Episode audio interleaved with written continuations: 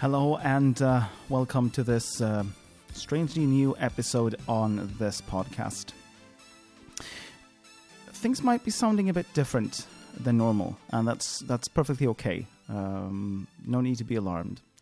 Uh, this is uh, the episode I have been talking about in Swedish, of course, for some time. This is episode E1 Convergence, and my name is Joel Krantz, and you're listening to Radio Rouge. Now, convergence is, of course, an interesting topic. We won't be covering that really deeply, but just scratching the surface today on this show. Um, but before that, I think you might want a bit of an overview of why I think it's an interesting word and term to be using. And before that, I also think that those of you listening, actually listening to this podcast, would benefit in knowing why am I doing this? I mean, not not talking about convergence. Why am I doing a show in English? Which is, for of course, a strange thing to be doing for me, having Swedish as my primary language and also not being incredibly talented in this. Now, I, there are some things I do well, some things I don't do really well. Uh, pronunciation is okay, uh, but I normally tend to find myself losing words. So you might experience that at some points. But the reason why I want to do this is not because we have a huge fan base overseas, uh, which is to say, abroad, uh, not in the US, not in Britain, not in other countries at all. No, it, it, it has nothing to do with that. And since we probably don't have a situation where we really need to focus on one more thing, we probably don't need to do this in another language. And I will definitely not do German podcasts in the future. Do not worry about that. Just realizing now that it would be a nice thing. Though, no, I'm not going to do that. So I have been talking and uh, about this with myself for a while. I have been discussing this with uh, Åsa Fredriksson, who is my, I shouldn't say second editor by now. I mean, we have done this um, together many times and we have been doing Radio Rouge since the beginning, over a year ago, uh, completely together. So this is no longer a sort of uh, my project where I have her as my sidekick. It hasn't been for quite a while. So we have been talking about doing shows in English. We have been talking about doing them um, together. We've been talking about whether or not we should try to start easily uh, with me doing a show or two. Maybe she would want to do a show or two just take it from there. And I think in some ways this is what we what we want to do. And again, we don't have a huge fan base abroad. Uh, to be really honest, we don't really know if we have a fan base. It's not like we get fan mail. Let, let me put that very clearly to you. But we do know that there are some people who like the podcast and who listen. And I did a show about a month ago about loneliness, of course, a Swedish show. Uh, and there were quite a bit of, of remarks and ideas and thoughts on that. Not that I saw on our Facebook page or that was mailed to us, but IRL. In, in, in reality, people came up to me, called me, told me, I was listening to your episode on loneliness and it touched me. It was really nice to hear someone talk about that. And so, in some ways, I think that those types of podcasts might be a bit more usual in the future. We'll see. Um, just talking from the heart sometimes is the most honest and open way to reach uh, some sort of conclusion in your own mind. Now, many of my thoughts um, start that way uh, in a sort of um, Vygotskian way of of talking to yourself out loud. Children do these all the times, as you know. Kids talk to themselves, and we adults we feel a bit like it's it's a bit strange. Kids talking to themselves, but that's basically the normal thing to be doing. Now, Leo Vygotsky, the um, the Russian. Um, uh, scientist, you might call him. He worked with uh, development theory in the early 1900s, and one of his ideas was the fact that without the language, we don't really have anything. You know, we, we as humans, we don't, we don't, we couldn't possibly have our personal development or our societies. We wouldn't really have anything of those things if we didn't have our language to start with. And there are so many things that comes down actually to this if you if you give it some thought. Not that we're going to do that today, no. So, what I really want to boil this down to is that this program, this show, is not aimed at English speakers per se. Uh, I do have a few friends um, who I've been thinking of in doing uh, the pre ops for this show, uh, in thinking about what I want to get into the very first podcast episode. But mainly, I would say this is, at least for me personally, this is a fairly egoistic idea. Now, as you may know, I am uh, in um, university studying to become a teacher in social science and in English, uh, when English is going to be my, my secondary subject. But still, in some way, I feel like there might be a, a, year, a year and a half, where basically all of my thinking, except for when I talk to my, my daughter who's six, I might be doing all of that in English. So I thought, why not just start now and get a head start? Um, and so it basically came to the idea of doing a show in English, and I thought that those shows in English could be an interesting way of um, preparing myself, maybe. It might also be interesting for you to know, or at least to, when you listen to those shows, um, this one being the very first one in probably a series, not consecutive, not not without any other shows in between. Of course, we might do many shows before the next English episode, but you'll also always be able to see them because they'll be numbered um, E and uh, then the next number in line. So this is E1, I'm going to see E2 and E3 and so on. Okay, so I think we're um, probably there at the moment where you kind of see that this is not something I do for you. This is more like I do this for myself. And this podcast episode is, for that reason, also including this uh, sort of idea behind why I do this. Now, the show in itself uh, started, uh, if you are new to the podcast, um, in a sort of live streaming way uh, in 2005. So I've actually been doing this for about 12 years now. I've been doing it. I've been having my holds. I've been doing it again, but I started about 12 years ago. I've been doing podcasts since 2011, I think, or even earlier than that. I don't, I'm not sure. So, we're getting down to the actual subject of this video. Not at this video. What am I saying?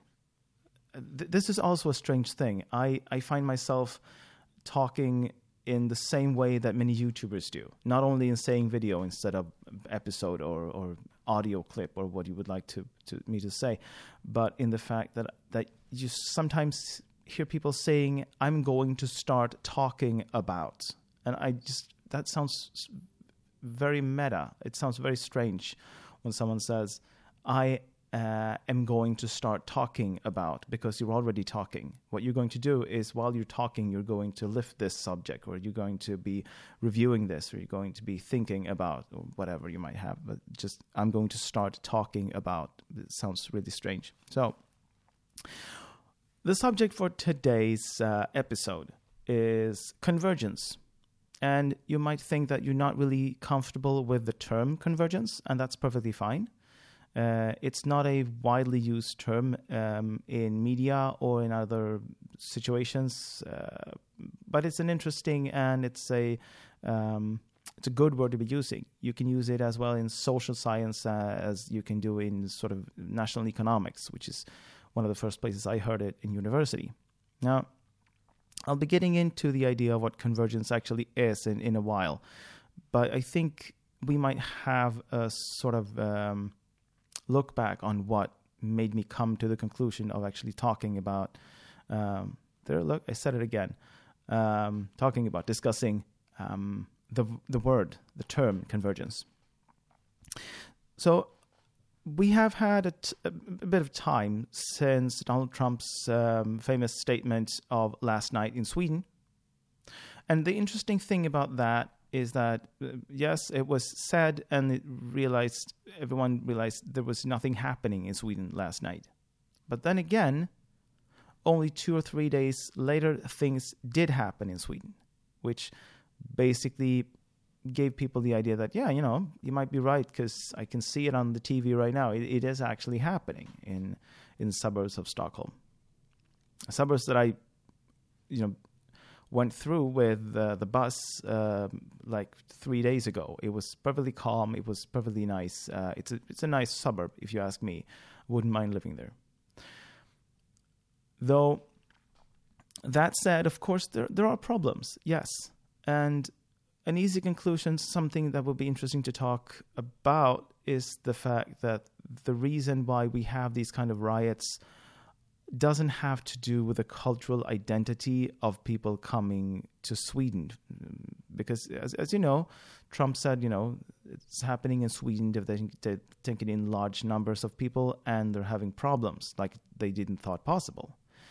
Now, we've, we, have we have had these problems before. The types of crime you see is changing over the time of, of maybe, you know, years or even decades but the crime rate is going down in Sweden, which is, of course, quite it doesn't sound like it is when you look uh, and listen to the media, but actually the crime rate in Sweden is going down. And this is one of the primary things we're going to come back to when we talk about the term convergence. But of course, you might think about that one of the most interesting things about the subject uh, of the riots in Sweden should be the fact that the riots in Sweden are not um, they're not caused by the cultural identity or cultural isolation, specifically um, by sort of young uh, immigrant men from other countries. No. The basic reason for that is the socioeconomic and therefore, in some way, cultural isolation when you have large groups of people who are not included in society, and society seems to do nothing to try to get them into society. And at that point, of course, you can have the left wing or the right wing agenda to try to deal with this. Either you can lower the wages uh, so that people get into the work places, uh, or you can have the more left wing traditional way where you try to have a good welfare system where people are not economically uh, bad off which means that probably they will have a larger faith in society and that will make them feel better and make them able to get you know, decent real jobs instead of um, jobs with subsidies. But we're still not getting to the point here. Now, the point was just really briefly mentioned a moment ago when I said that crime rates in Sweden are going down. So a lot of people might think that the media has given you the idea that crime is actually going up. Now, the crime, the types of crime that we see are changing. We have more gang-related crimes now than we've done before. We have, however, um, a reduced risk of deadly violence, which is basically the type of crime that you worry the most about when it comes to, to gang related crimes or terror attacks. The fact that someone will be seriously injured, or maybe, you know, mostly if people were actually going to die. That has gone down. The risk of actually dying from, you know, in the hands of someone else um, are really going down, but it's not going down really, really quickly. It was dropping, and now it's not dropping just as fast. Now, of course, there might be differences in years. One year might have a, a few few more uh, killings or or accidental deaths. Um, the next year might have even more or um, a quite substantial amount less. But the overall trend is clear that it's it's going in the right direction. However, more of the types of gang related crimes are appearing. So the gang related crimes in themselves are maybe increasing a tiny bit. But then again, we still have a minuscule amount of gang related crime compared to, for instance, uh, some areas in the US, um, where you have actually seen an, an enormous drop in the gang related crime activities since the 1980s and the beginning of the 1990s. Um, and this is where we get into convergence in itself. Now, post the fact that things are getting in the right direction. Now, I, I'm thinking that it might not actually be going in the right direction. I think that we're actually might be seeing a slowdown of the uh, progression in the right direction, we might actually hit a point where we start to go backwards. And this, in that case, uh, I believe would be probably due to um, the uh, inequality situation, because inequality is the largest reason why you get gang related crime, why you get other types of criminal activity, um, where you get social exclusion, is really the areas where crime has its nest. So, but let's let's pose uh, the the idea. Let's just say that it is actually going in the right direction, which statistically, yeah, you know, it is. We might think that it's it's going to turn back, but let's just say that for now it is actually going in the right direction. But in Sweden, it's not going in the right direction just as quickly as it used to do.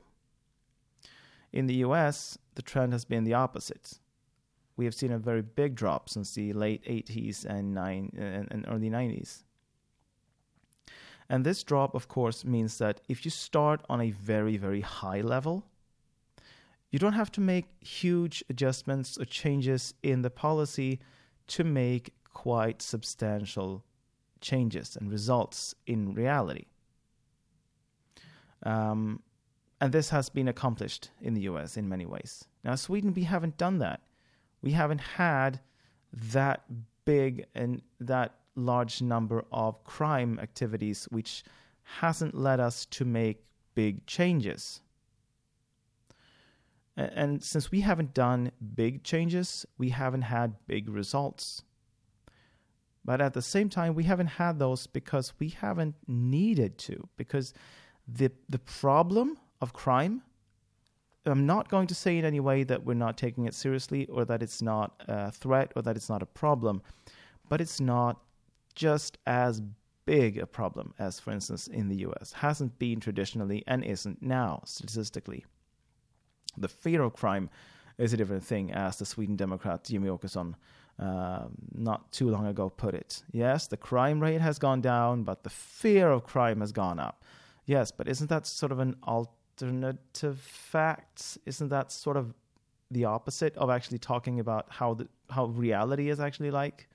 Yeah sure media is telling us that it's worse or giving us the impression that it is worse because this year was a bit worse than last year. Doesn't mean that the trend is changing. But the convergence thing let's talk about specifically the word convergence. If you have a big drop like the US has had in crime rates. In certain areas, uh, in certain um, age and demographic groups, you have had a big drop in crime activities. Now, that change isn't going to keep on being as big. You know, as as you approach the lower numbers of amount of crime, um, it's going to start to smooth out. The curve is not going to be as as um, I'm, I'm losing the word here again. Um, the curve isn't going to be as um, high, so to so to speak. It's not going to go as fast. The progression is going to be slower, and the further you go, the slower the progression is. The more energy you have to put in to make a change. Now, Sweden has already had quite a low number of crime uh, activities. We, we, we, we haven't really had huge amounts of crimes. So even if we do make a fairly big adjustment in policy or we, we use a lot of energy to try to solve a situation, still the amount of change we are going to get is not as huge as, for instance, the US could do with a fairly minor change in policy. And at that point, of course, you can say that things looks like it's going in the right direction in the US, it's going in the wrong direction in Sweden.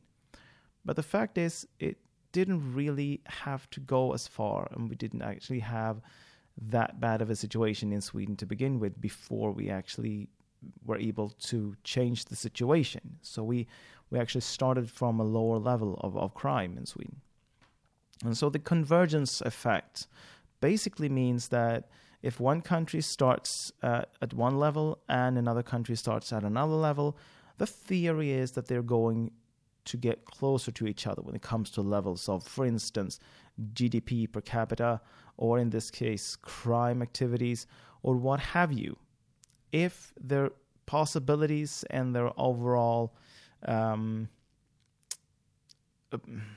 abilities, abilities and possibilities to do things, uh, policy making and putting in economic effort, for instance, in doing things, you're probably going to see this.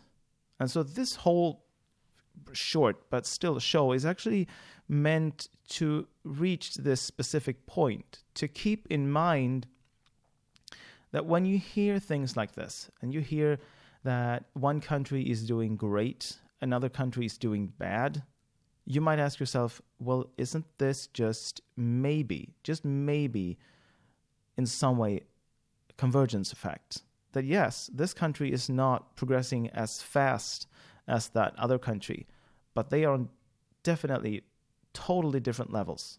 And for that reason, this this country with a lower level of, for instance, crime is not going to progress as fast as the country with a higher amount of crime.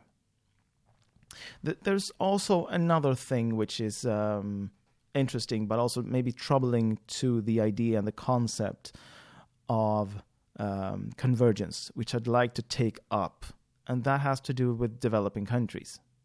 Uh, I'm not going to go into any real detail. This is really, really just scratching the surface. This is like two minutes of talking instead of like an hour of doing a serious documentary.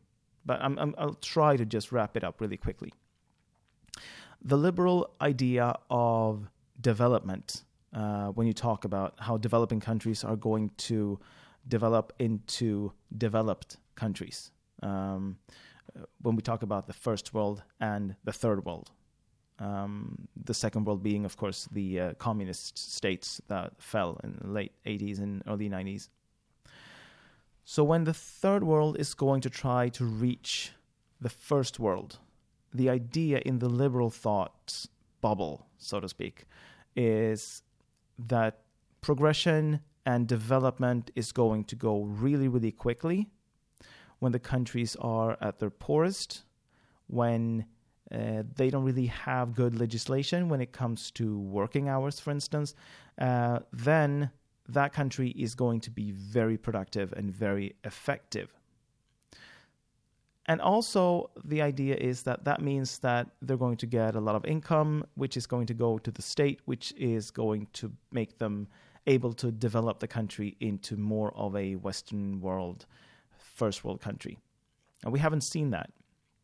And the reason why we haven't seen that could be talked in, in detail in another program, but basically, um, colonialism. You know, uh, yes, there are now sovereign countries but we still use uh, the third world basically as uh, as colonies. Now, this, of course, is, is, is contested ideas. I am not saying this um, out of a uh, out of a neutral perspective. Now, of course, I'm I'm really really really biased as a traditional Swedish left wing dude. But this is as far as I've seen this, and, and, and this is based upon some of the thoughts and some of the um, recent courses I've done in, in social science and, and political science um, uh, university, it tends to look rather obvious. And possibly, possibly, we might get into this in a later show with one of my um, classmates for one of those courses. Um, we might do a show together, and I'm not sure if we're going to do that show in Swedish or English. Uh, probably in Swedish, uh, but in that case, we're probably going to talk about sort of colonialism and new colonialism and how everything is Belgium's fault. So, tune into that show. Um, probably in the next um, two months, uh, I think, if we actually get it done. Otherwise, we might just have to drop it. Depends on. Uh, would be nice though. Uh, so yeah, uh, time's about running up. Uh, I think this uh, has been in some way an interesting uh, experiment. Um, I'm probably going to keep doing this in sort of an easier way. I'm not going to go into harder and harder topics. I'm not going to do this in more and more detail. I'm just going to try to do something at all for the next the next show. So we'll see. Um, thanks for listening. It's uh, it's been really nice talking to you. again, talking. I'm going to start talking about what I think is interesting and so on. Now, at some point, I promise I'm going to give you a link to uh, one of those videos that I just get so annoyed at. Um, new new video is up, I think next week uh, because I'll be um, chatting with uh, Åsa uh, later this uh, week. We're going to make a collaboration show. I'm not quite sure what that that show is going to be about, but we're going to make a show, and it's probably come out I th- I think it's going to come out sometime this uh, this weekend, uh, maybe Friday night, Saturday, or possibly Sunday. So check it out. Uh, look in your podcast client player app. You know. So yeah, have a nice day, and I hope this was interesting enough. If you like this, please uh, give me a thumbs up or say that this was was good or something on Facebook or maybe finding us on Twitter, Radio is it called Dash? No, it's not Dash. That's the regular sign. Yeah, you can find us, Radio Rouge, on Twitter. You can find us through our internet site, radiorouge.se, and of course on Facebook. So have a nice day, and I'll keep um, ideas and things flowing and coming to you. And so I'll uh, talk to you soon. Thank you. Bye bye.